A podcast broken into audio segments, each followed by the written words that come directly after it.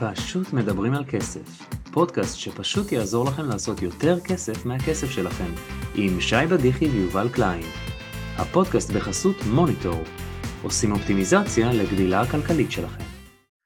אהלן חברים, מה קורה? מה שלומכם? אנחנו בפרק נוסף של פשוט מדברים על כסף, והפעם אנחנו מארחים לא פחות מדוקטור, דוקטור אלחנן מגידוביץ', מה שלומך? אהלן, מה העניינים? איזה כבוד. תודה, תודה על הזכות להתארח פה. כבוד לנו שאתה פה. אה, אז אה, אלחנן אה, מגידוביץ', שבכלל התחיל בביוכימיה, ועזב את זה ברגע שגילה את, ה, את הכימיה שיש לו לנדל"ן, והיום אנחנו נשמע ממנו כמה דברים בנושא הזה. אז דבר ראשון, בוא תן לנו כמה מילים על עצמך. טוב, צריך לעשות את קיצור תולדות הזמן ב-20 שניות. אז טוב, אני נשוי, שלושה ילדים, בת בכורה ו... ושני בנים. אה, כמו שהזכרת, אני, בהשכלה שלי אני דוקטור לנוירוביוכימיה, התעסקתי במחקר, הייתי מדען, עבדתי בחברות תרופות, הייתי מנהל פרויקט בחברת סטארט-אפ אה, שעסקו בפיתוח של תרופות לסרטן, יותר מאוחר עבדתי גם בחברות תרופות קצת יותר גדולות וממוסדות. אה, את הדרך שלי בהשקעות נדל"ן התחלתי ממש במקרה כשהייתי סטודנט, יחסית סטודנט מבוגר, אבל סטודנט, עדיין סטודנט וסטודנט לתואר שני. אה, הגעתי לזה ממש במקרה, קניתי דירה ראשונה, אה, ממש בלי יותר מדי הבנה, גם בלי משכנתה. התייעצתי כמובן עם כל מיני חברים לדרך, וכשקלטתי את הפרינציפ, לקח לי הרבה מאוד זמן לרכוש את הדירה הראשונה. כשקלטתי את הפרינציפ, אפשר לומר שכבר תוך אה, חצי שנה אה, היו לי כבר שלושה נכסים. כמובן שאני מדבר על לפני 15 שנה בערך, לא משהו שקרה בשנתיים האחרונות. מאז אנחנו יודעים מה קרה לשוק הנדל"ן, אני מניח שאנחנו טיפ-טיפה ניגע גם בנושא הזה היום. ומשם פשוט החלטתי להשתכלל, לצבור, לגדול, כאשר בוא נאמר לפני שש שנים אני התפטרתי מהעבודה שלי בעיסוק במחקר אה, ופיתוח של תרופות, והחלטתי להתמקד יותר אה, בעשייה נדל"נית, שזה אומר גם בעשייה נדל"נית אישית שלי, אה, גם בללמד ולייעץ למשקיעים אחרים, וכמובן להפיץ את הדעות, את ה... נקרא לזה ניתוחים, או לפעמים אפילו את הביקורות שלי דרך, דרך הבלוג שמופיע פה, אז בכיף. אני פה בשביל לענות על שאלות ולנסות קצת לשתף בראיית העולם שלי. אז הרמת להנחתה ולכן יש לי את השאלה הראשונה אליך. אתה אומר שרכשת דירות לפני 15 אה, שנה, 15 שנים.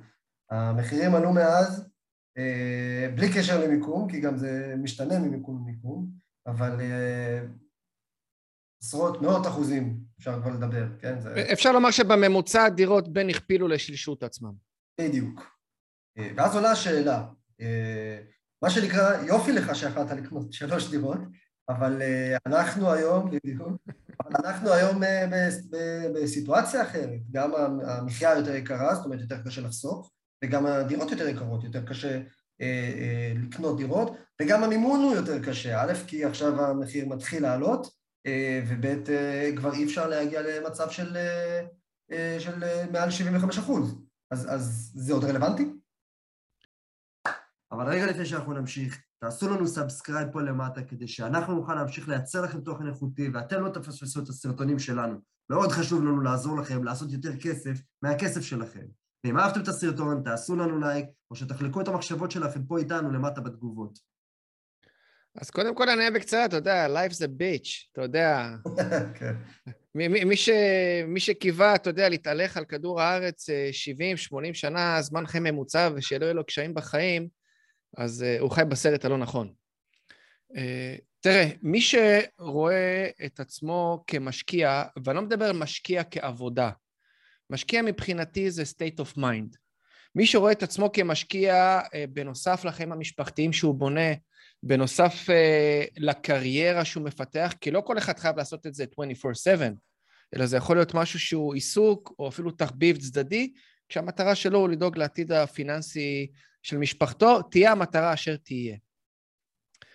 Uh, נכון, אז פעם היה לנו הרבה יותר אפשרויות שלא קיימות היום. אתה, אתה מנית את חלקן, קודם כל, נכון, מחירי הנכסים שילשו את עצמם. אתה יודע, אנחנו, אם אנחנו נדבר בנקודות קיצון, אה, בבאר שבע דירות עלו 200 אלף שקל, דירות שלושה חדרים, בירוחם דירות עלו 100 אה, אלף שקל, אה, במרכז, ראשון או סובב תל אביב, כל מיני כאלה, דירות של שלושה ארבעה חדרים עלו מיליון שקל, מיליון מאה שקל.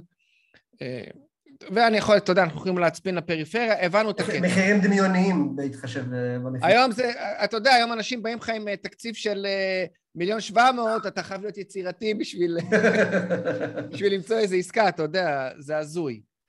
אה, אז נכון, עכשיו, אני, אני גם חייב להגיד, היה לנו גם אז אפשרויות מימון שלא קיימות היום, היה לנו 95 אחוז משכנתה, היינו יכולים לקחת. תחשבו על זה במושגים של מיליונים, על דירה של מיליון הייתה צריך להביא 50 אלף שקל, זאת אומרת, לך קח את המענק שלך מהצבא, תבקש 100 בעוד 20 אלף שקל, והפה, יש לך דירה.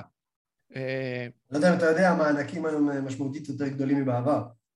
אה, אני השתחררתי עם מענק שהיה לי 7,000 שקל, כן? זה היה אבל כן, זה נקודת, אני קודם כל שמח לשמוע שנקודת פתיחה יותר טובה לחיילים המשוחררים. גם המיסוי, המס רכישה, צריך לזכור, אנחנו אז מס רכישה, דירה ראשונה כמובן שכמו היום היה פטור, על דירה שלישית היה שלושה וחצי אחוזים.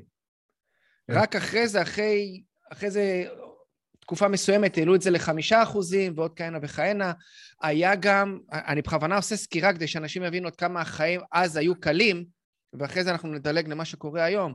Mm-hmm. לא משנה כמה נכסים החזקת, מי שהחזיק אז נכס, שניים, שלושה, ארבעה, חמישה, יכל פעם בארבע שנים לבצע מכירה בפטור ממס שבח.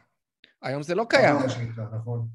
בדיוק, היום זה לא קיים. היום אתה, יש לך שתי דירות, לא מעניין אף אחד. תמכור אחת, אתה מחויב במס שבח. אני לא מדבר על ה... נקרא לזה על ה... על המשהו שנקרא דירה חליפית, אנחנו כרגע נוציא את זה אה, החוצה, אבל כמשקיעים מחויבים אה, לשלם את המס שבח, אה, מס רכישה, הגבילו אותנו במימון, בהתחלה הורידו את המימון מ-90% ל-70%, אחרי זה מ-70% הורידו ל-50%, בדרך מס רכישה מ-3.5% ל-5%, מ-5% ל-8%, מ-8% הורידו ל-5%, 5% אחרי זה לעוד פעם 8%. מה אני בא להגיד? לא רק שהחיים יותר קלים, אתם שמים לב שיש פה גם הרבה אי-ודאות, הרבה נתונים והרבה משתנים, כל הזמן משתנים לנו כל הזמן. ופתאום פה רוצים לעשות מס דירה שלישית, ופה יש מס, אה, אה, לשים, אה, להגדיל את המס ל-12% למש... החיים הם, אנחנו למדים שהחיים הם מאוד מאוד דינמיים, וכמובן אני גם לא רוצה, אה, יש גם הרבה, נקרא לזה גורמי חוץ. פתאום יש לך איזה עימות צבאי בצפון, עימות צבאי בדרום, זה, זה פתאום אה, משפיע עליך. אה, הקורונה, שאף אחד לא צפה את העניין הזה, אנחנו רואים אה, מה זה עשה. אז אה, כן, אנחנו פועלים באי ודאות. עכשיו, זה לא נכון לבוא ולהסתכל, אה, התחלת מלפני 15 שנה, איזה חוכמולוג אתה. אני אומר, חבר'ה, אנחנו נמצאים היום בנקודת זמן שמה שהיה זה לא באמת משנה. אפשר לבכות על זה, אפשר להתלונן על זה, אבל הכי חשוב שבואו נלמד מזה. בסופו של דבר, אם היה כל כך פשוט לפני 15 שנה, וזאת שאלה שאני אומר אותה לפעמים בצער רב, אז למה אתם לא עושים, למה אתם לא עשיתם את זה? אתה יודע, אותו אחד שבא ואומר לי, אתה חוכמולוג, אז אני בא ואומר לו, אוקיי, אני חוכמולוג, למה אתה, איפה אתה היית לפני 15 שנה? זה לא היה איזה סוד. אז למה אנשים לא עשו את זה? כי הם לא היו מודעים לזה. גם אני לא הייתי מודע לזה, ואני אומר את זה בכנות, אני הגעתי לנדל"ן במקרה. והמקרה הזה היה בזמן שהחיים אולי היו יותר פשוטים. אבל עם הזמן זה השתנה. היום אנחנו צריכים להסתכל שאנחנו נכנסים למה קורה בעוד 15 שנה. ו... ובואו נסתכל רגע על העובדות בעיניים. אנחנו נמצאים היום באוכלוסייה של 9 מיליון איש במדינת ישראל. לפי הלמ"ס, מידע צופה פני עתיד ב-2049, בואו נגל את זה ל-2050, יהיה לנו יותר נוח לחשב. 2050 מדברים על 21 מיליון. זאת אומרת שאנחנו מדברים על בערך על 30 שנה, תוספת של 11 מיליון איש. אם אנחנו נעשה סתם חלוקה ליניארית של 11 אה, מיליון, לחלק ל-30 שנה, אז אם אני חושב יוצא 300 ומשהו, 330 אלף אה, כאילו מתווספות לנו נפש לשנה. לפי הלמ"ס, גרות 2.7 נפשות בדירה, 2.7 נעגל את זה לשלוש. ניקח 330 אלף, נחלק את זה לשלוש, אנחנו מתברר שאנחנו צריכים בערך 110 אלף דירות כל שנה. עכשיו אנחנו צריכים 110 דירות בנויות, לא משווקות, לא מפורסמות, בנויות, בתהליך בנייה. אני בכוונה אמרתי לא אה, משווקות, כי האוצר רואה... כן, נכון, נכון. אבל אה, עוד פעם, אז השאלה היא, אם עכשיו, אנחנו, מבינים שהצורך לדירות, אגב, יש את זה, האם זה 50 אלף דירות או 100 אלף דירות בשנה, וכל אחד המספרים שלו. השאלה היא, אם אנחנו עכשיו עומדים במחירים שאנחנו נמצאים בהם היום, האם זה בכלל ריאלי? האם אני, כמישהו שלא עכשיו מולטי מיליונר, האם זה בכלל ריאלי עכשיו להתחיל להתעסק עם זה? האם לא שווה לי באמת להתחיל להסתכל על שווקים אחרים? יש את שוק ההון, יש, יש, יש עוד שווקים. קודם כל, בלי קשר, תמיד טוב להסתכל על שווקים אחרים. אני לא בא פה להגיד לבן אדם, תשקיע רק בנדל"ן ואל תשקיע בשוק ההון, או תשקיע בזהב ואל תשקיע בקריפטו.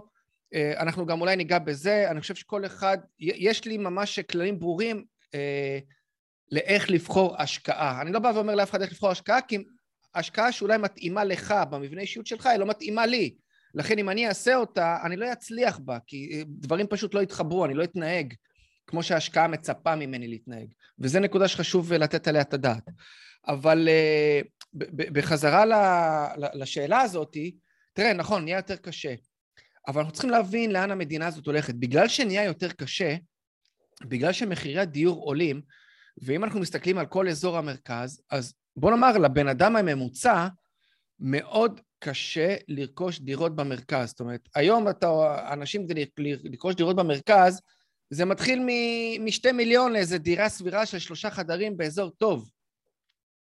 בסדר? אז זה מאוד מאוד קשה למישהו שאין לו הון עצמי וזוג צעיר שהתחיל. אז אני בא ואומר, אתם לא חייבים לקנות את הדירה במרכז. אנחנו לא נתחיל עכשיו לדבר על קלישאות, אבל אם אין לכם באמת אג'נדה ואתם אומרים, אני חייב דירת מגורים ואני רוצה לגור במרכז ואני מוכן להשתעבד בשביל זה, סבבה, לך תעשה את זה. אבל אם אתה בא ואומר, רגע, סטופ, אני רוצה לדאוג לעתיד הפיננסי של ילדיי, אני מודע לזה שכרגע זה לא נכון עבורי לקנות דירה יקרה, ההון שלי הוא זעום, מה שאומר שאם אני לוקח, מתחייב לדירה יקרה, אני כנראה משעבד את עצמי, לוקח התחייבויות גדולות שאולי אני לא אשאל בגללם בלילה.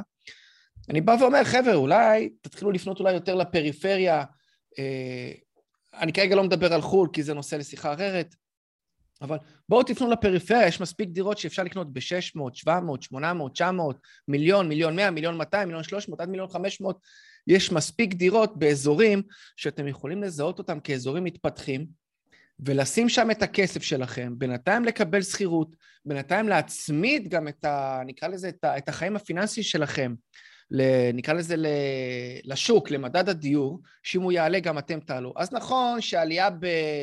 סתם אני אזרוק עכשיו, בעפולה לא תהיה עלייה שתהיה בתל אביב, נכון, אבל בסוף צריך לזכור, כשעולה בתל אביב, זה מושך את כל המדינה, זאת אומרת, הנכסים העיקריים תמיד מושכים את הזולים יותר ככה אה, למעלה, ולא הפוך. ולכן מי שרוצה מצד אחד לשמר את ההון שלו, ומצד שני להגדיל אותו, ואולי גם לדאוג עם הזמן להכנסות ולתזרים מזומנים, אולי הדרך הנכונה היא להשקיע בנדל"ן בדירות אה, פשוטות. עכשיו, מה קורה במקביל?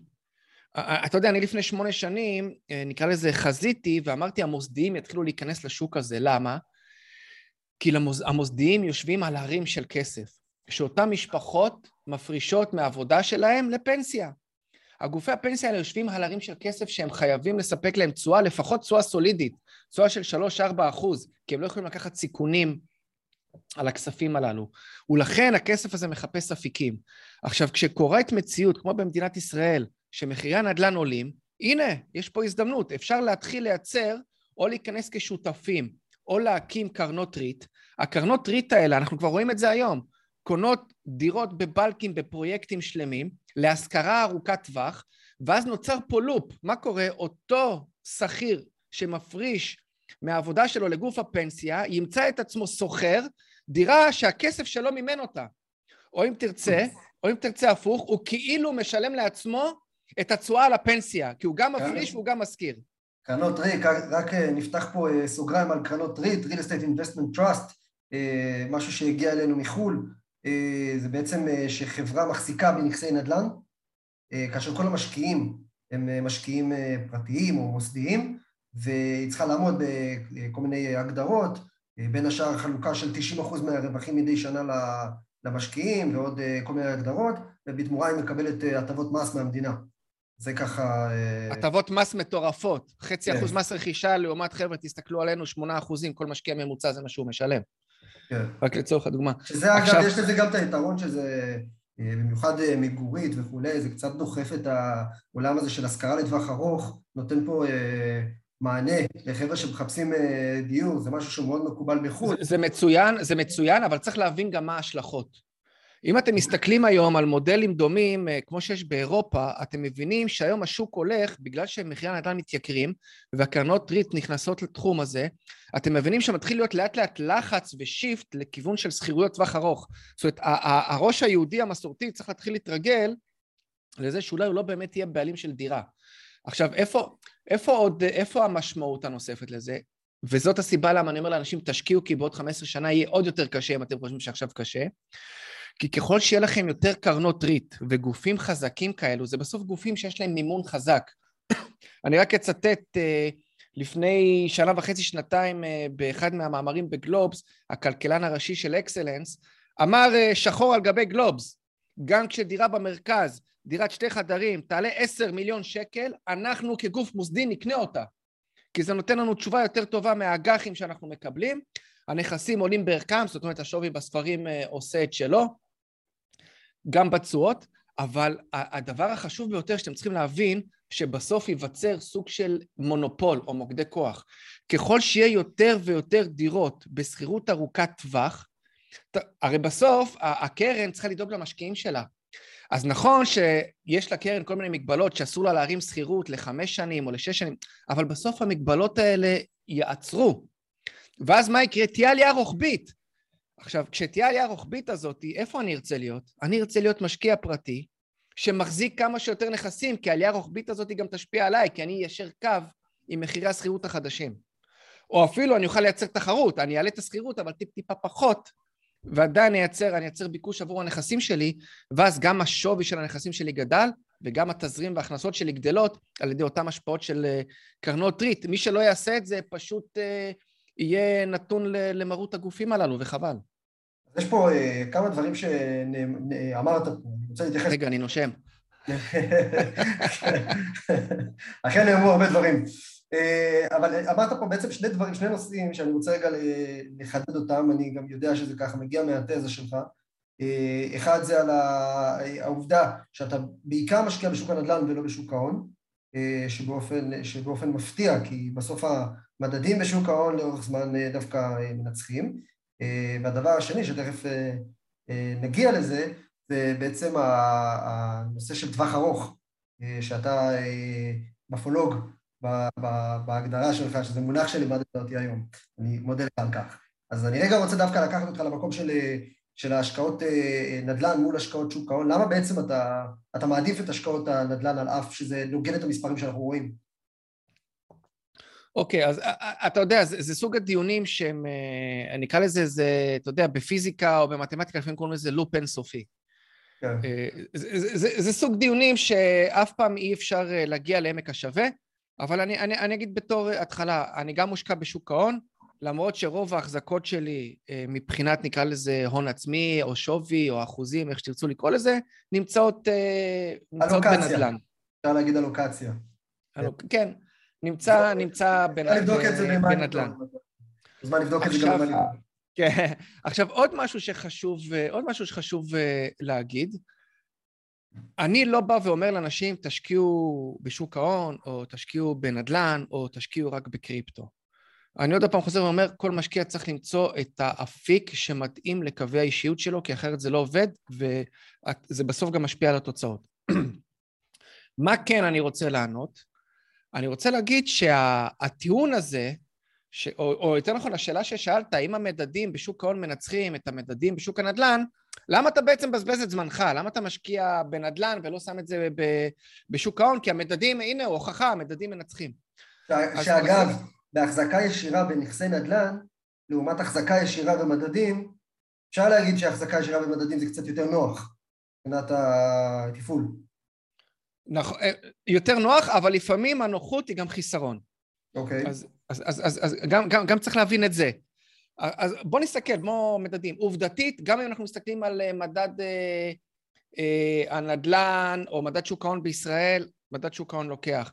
אם אנחנו מסתכלים על, אה, על מדד, על ה-S&P 500 לעומת קייס שילר, מדד הנדל"ן המקובל בארצות הברית, נכון, S&P אה, לוקח, אני כרגע לא מדבר על מדדי טכנולוגיה, כי הם לפעמים אה, יותר... כן, אה, גם עכשיו הייתה ירידה, ירידה מסיבית ומוצדקת, יש לומר.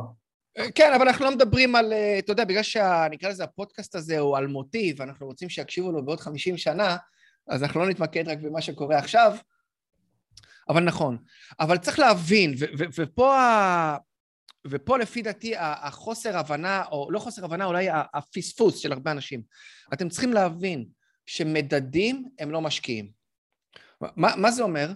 זה אומר, זה שהמדד עולה לאורך השנים, אני מדבר עולה בממוצע, כי יש תקופות של ירידת ועליות, אלא זה שהמגמה של המדד עולה, לדוגמה S&P 500 לעומת אה, מדד הנדל"ן שהוא מנצח אותו, מה זה אומר לנו על התנהגות המשקיעים? עכשיו, אם אנחנו מסתכלים על מחקרים, לדוגמה על מחקרים על S&P 500 והמדדים בארצות הברית, אגב, אני מתייחס תמיד לארצות הברית כי השוק שם יותר גדול ויותר מפותח, אז סטטיסטית... זה יותר משוכלל.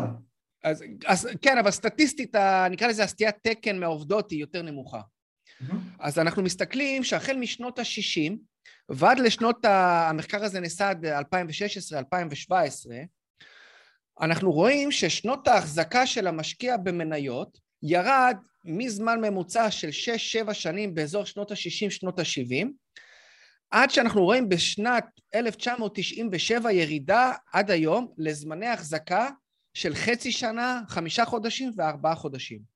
עכשיו, מה זה אומר לנו? זה שהמדד עולה והוא באמת נותן uh, תוצאות יפות, הוא לא רלוונטי למשקיע, כי אם המשקיע הממוצע לא נמצא שם לאורך שנים, אלא רק uh, חצי שנה, המדד הזה לא רלוונטי אליו, התוצאות שלו לא מדברות, uh, לא מדברות את התוצאות של הנדל"ן. ואז אני בא וחוזר להשקעות נדל"ן, ופה אגב אנחנו מדברים על, אגב הזמני, הזמנים האלה של הירידה זה כנראה גם כן עניין של נוחות, כי נורא נוח להיכנס למדד, אבל גם נורא נוח לצאת ממנו. נורא קל. להיבהל ולצאת. בדיוק. אגב, יש לזה גם מושג בשוק ההון, קוראים לזה behavior gap.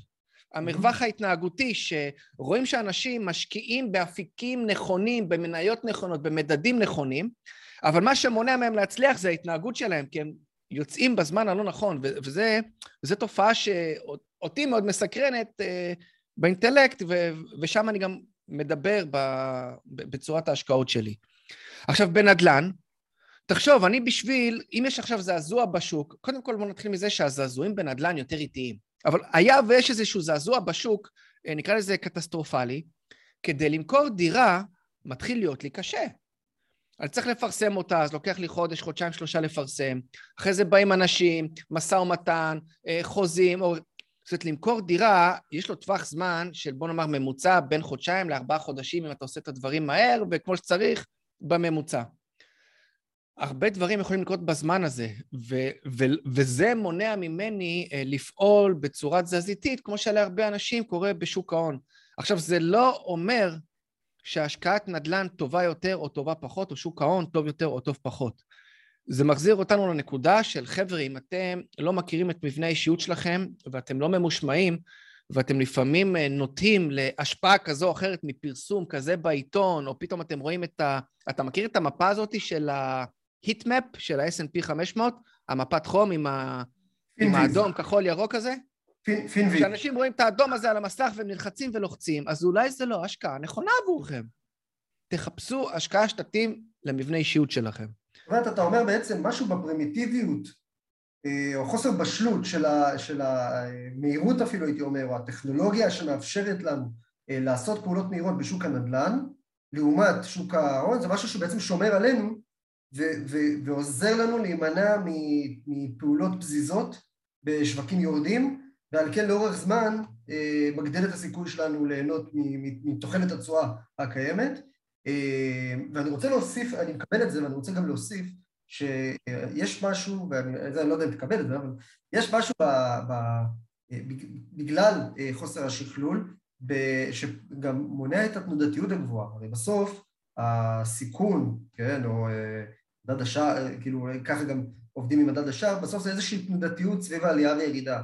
ואפשר לראות את זה גם בקלות, את המדדים, שהמדד של ה-S&P אה, הוא, הוא יותר אה, תנודתי ממדד אה, הנדל"ן, כמו שמדד הביטקוין יותר תנודתי ממדד ה-S&P, וככל שהתנודתיות יותר גבוהה, אז בעצם ככה אנחנו, הסיכון יותר גבוה ותוחלת התשואה תהיה יותר, יותר גבוהה בהתאם, זאת אומרת סיכון סיכון. ואני חושב שבגלל זה גם, בגלל שהתנודתיות יותר נמוכה והסיכון כנראה יותר נמוך בשוק הנדל"ן, גם תוחלת התשואה יותר נמוכה, ויש בזה שכל כשבונים עכשיו פורטפוליו או תיק השקעות, לשים חלק, חלק יפה מהכסף שלך, זה משהו שהוא יותר בטוח, עם טיפה פחות תשואה, וזה בסדר. ואני רוצה רגע לשאול אותך, ואני ככה זורק אותנו לשאלה השנייה, אז אנחנו דיברנו על ה... אתה, אתה מדבר הרבה על זה ש... וזה, וזה אותו הקשר, אתה מדבר הרבה על זה ש... חבר'ה, לא צריך לעשות מיליון בשנה.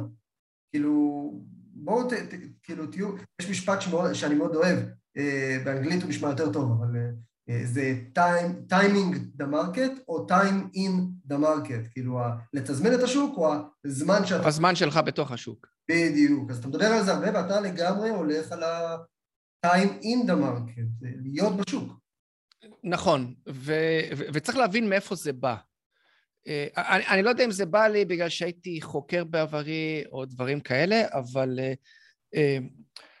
היה כבר, כשנפגשתי עם איזה משקיע, משקיע גדול, דמות מוכרת, אלדד תמיר, ובאחד השיחות הוא אמר לי, אנשים הם כמו קופים קטנים. והסיבה שהוא אמר את זה, כי אנחנו צריכים להבין, הדבר שמגדיר אותנו, קודם כל, זה שאנחנו אנושיים. ואנחנו אנושיים, אני כרגע לא נכנס לענייני אמונה או דברים כאלה, אנחנו תוצר, אנחנו בסופו של דבר, או נאמר בתחילתו של דבר, אנחנו בעלי חיים. וכבעלי חיים אנחנו נוצרנו ופעלו עלינו ארבע מיליארד שנות אבולוציה. קיימים בנו אינסטינקטים חייתיים. עכשיו, יש מחקרים שלמים שמדברים על מה שנקרא, אני לא אכנס לזה יותר מדי, לא לבלבל פה את המאזינים ואת הצופים, יש מה שנקרא מנגנון התועלת המיידית, או באנגלית, מי שרוצה לחפש, The Immediate Gratification. והמנגנון הזה הוא שריד לחיים שלנו בסוואנה כאדם קדמון או כאדם שחי בצורה שבטית, כי אתם צריכים להבין, החיים בסוואנה במהלך האבולוציה, המוח שלנו לא בנוי לחשוב עשר או חמש עשרה שנה קדימה, כי כשאתה גר בסוואנה ואתה כל יום עלול להתערף, אז כל החלטה שלך היא הרת גורל. היא החלטה של חיים או מוות. האם ללכת בשעה הזאת והזאת למקווה המים ולשתות? למה? כי אולי האריה אורב לי שם והוא יטרוף אותי. אז האם זה נכון? לכן המוח שלנו לא בנוי, ופה, ופה זה מכשלה, והאתגר הכי גדול שלנו הוא להילחם באינסטינקט הזה. לכן כשאנחנו, אגב היום זה מאוד רלוונטי, כשאנחנו היום מסתכלים על האינסטגרם ועל הטיק טוק ועל פייסבוק, ואנחנו רואים את ההוא מצטלם על החוף עם איזה אגוז קוקוס, ואת ההוא עשה איזה טיול באיטליה ומצטלם, עושה סלפי ליד איזה למבורגיני. אנחנו בטוחים שכולם על ידינו מיליונרים, וכולם מצליחים, וכולם... כי אין לנו גם אפשרות לאושש את זה, ואנחנו נכנסים לעניין של FOMO, כי אנחנו גם רוצים את זה מהר, כי אם הם הצליחו, גם אני רוצה להצליח. אבל צריך להבין שהמציאות מחוץ לפייסבוק ומחוץ לאינסטגרם היא שונה. ואני בא ואומר, הרצון לעשות קופות מהר הוא, הוא בסדר, הוא לגיטימי והוא נכון, אבל הוא הולך גם עם סיכונים. ומי שרוצה לעשות רווחים גדולים ורווחים מהירים, צריך להבין שהוא מביא בחשבון שהוא לוקח סיכונים מאוד מאוד גדולים, ולרוב הסיכונים הם נגדו בסטטיסטיקה. זאת אומרת, קשה לו... אם אנחנו נסתכל על הסטארט-אפים, אתה יודע, כולם אוהבים להסתכל על ישראל לעומת הסטארט-אפ, כי אנחנו רק רואים סטארט-אפים שמצליחים. אתם יודעים מה הסטטיסטיקה של הסטארט-אפים? 4 אחוז. 4 אחוז מצליחים. אני לא מדבר על היוניקורנים. יוניקורנים זאת פחות, הרבה פחות מ-4 אחוז. רק 4 אחוז באמת מצליחים. אז אנחנו קוראים עיתונים ואנחנו בטוחים שכל סטארט-אפ הוא מצליח, יאללה בוא נפתח את הסטארט-אפ. אבל לא, ואותו דבר גם בהשקעות, אנחנו צריכים, בגלל זה אני תמיד אומר לאנשים, אתם לא צריכים להיות מיליונרים כדי להשקיע בנדל"ן, אבל אם תשקיעו בנדל"ן, ספציפית זה נדל"ן, זה יכול להיות גם שוק ההון, כן? אני מדבר מהפוזיציה שלי, אבל אם תשקיעו בנדל"ן, אתם תוכלו להיות מיליונרים. למה? כי אתם צריכים לבחור את ההשקעות שלכם, אתם צריכים להיות עם התמדה, אתם צריכים להיות סבלניים, ולאט לאט להגדיל את הנכסים שלכם. אם תרצה אפשר להיכנס איך אנחנו מגדילים את כמות הנכסים, כי זה אחד האתגרים שאנשים אומרים בגלל היעדר מינוף ודברים כאלו, ולתת לה זמן, ואתם תראו שמהר מאוד, בעוד 15 שנה מהיום, לא מן הנמנע שבן אדם שיתחיל היום, לא עם סכום גדול, אלא יתחיל להשקיע בפריפריה, אני אזרוק עכשיו פצצה לאוויר, בן אדם שיתחיל היום, 10-15 שנים מהיום יכול למצוא את עצמו עם 7-8 נכסים. מסכים.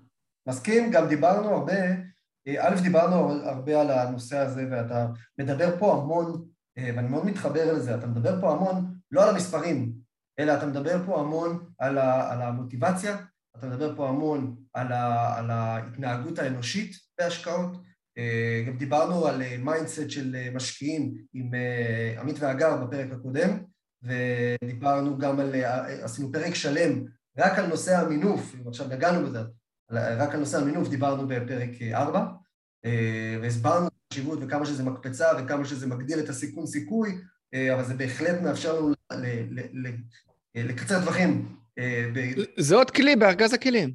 זה עוד כלי לגמרי בארגז הכלים, ואני מאוד מתחבר לזה. אני חושב שזה, שזה נכון, ואני חושב ש mindset זה דבר חשוב, וכל עוד אנשים מבינים איפה הם נמצאים על הסקאלה של הסיכון סיכוי ומה שמתאים להם, ומבינים שלהגיד סיכון סיכוי זה לא קלישאה, זה לא איזה... בהחלט. זה לא משפט שזורקים מהאוויר. הסיק... ה... זה, זה מגדיל את הסיכון, זאת אומרת שאתם תחטפו. אני תמיד משווה את העולם של ההשקעות אה, לעולם האגרוף. זאת אומרת, אני מוכן לחטוף בבטן, בחזה, בכתפיים, אני אפילו לפעמים מוכן לחטוף בפנים, כי כזה אני לוקח סיכונים. אבל אה, יש לי, לכל אחד יש בסוף את קו החגורה. שאתה אומר, אם אני אחטוף מתחת לקו החגורה, אני מראש לא הייתי עולה למגרש, לא הייתי עולה לזירה, לא הייתי משחק. יש, אני לא רוצה להגיע לפשיטת רגל.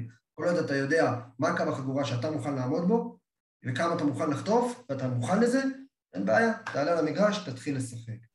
נכון, אתה, אתה הזכרת את וורן באפט. למעשה וורן באפט תמיד מסתכל על השקעות כ... אתה יודע, כ...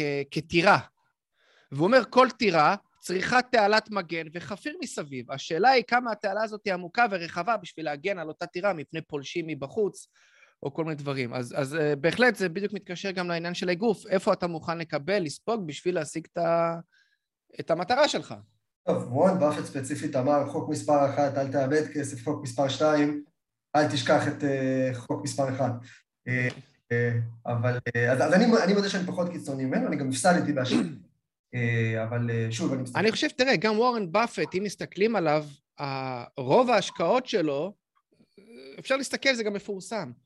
רוב ההשקעות שלו הן לא כאלה מוצלחות, אבל המעט שהן מוצלחות, אה, קוקה קולה, אה, גייקו אה, ועוד חברות אחרות שכרגע לא עולות לי בראש, הם היו הבוננזה והם הביאו את ברקשיר האטווי למה שהיא. רוב ההשקעות הן חברות בינוניות ומטה.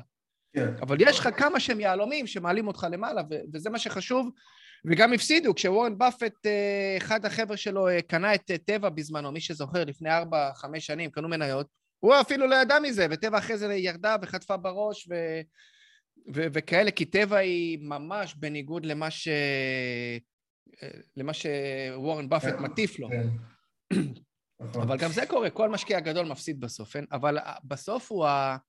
נקרא לזה, אפשר להפסיד בהשקעות, אבל המטרה שלך היא להרוויח יותר משאתה מפסיד, ואז אתה בסדר, אתה עדיין עומד ב... ב... בכללים האלה של וורן באפט. ואם בכל זאת אני אשדל אותך, יש לך איזה טיפ מנצח לסיכום? טיפ מנצח לסיכום. Uh, אני חושב שאל תמהרו, כולם ממהרים, אנחנו רגילים לחיות בעולם מהר. לא למהר. Uh, אני תמיד אומר, אני אוהב, יש לי סוג כזה שאני עושה משפט השבוע, אני ממציא כל מיני פתגמים, ואני איכשהו מקווה שיום אחד הם יתפסו. אולי יצטטו אותי אה, יום אחד. אה, אז אה, נקטע לי קו החשיבה, הוא כבר יעלה לי עוד מעט, אבל הקטע הוא בסוף צריך, צריך להתמיד. צריך להבין שה... אני שמע פילוסופי, השקעות זה, זה מסע.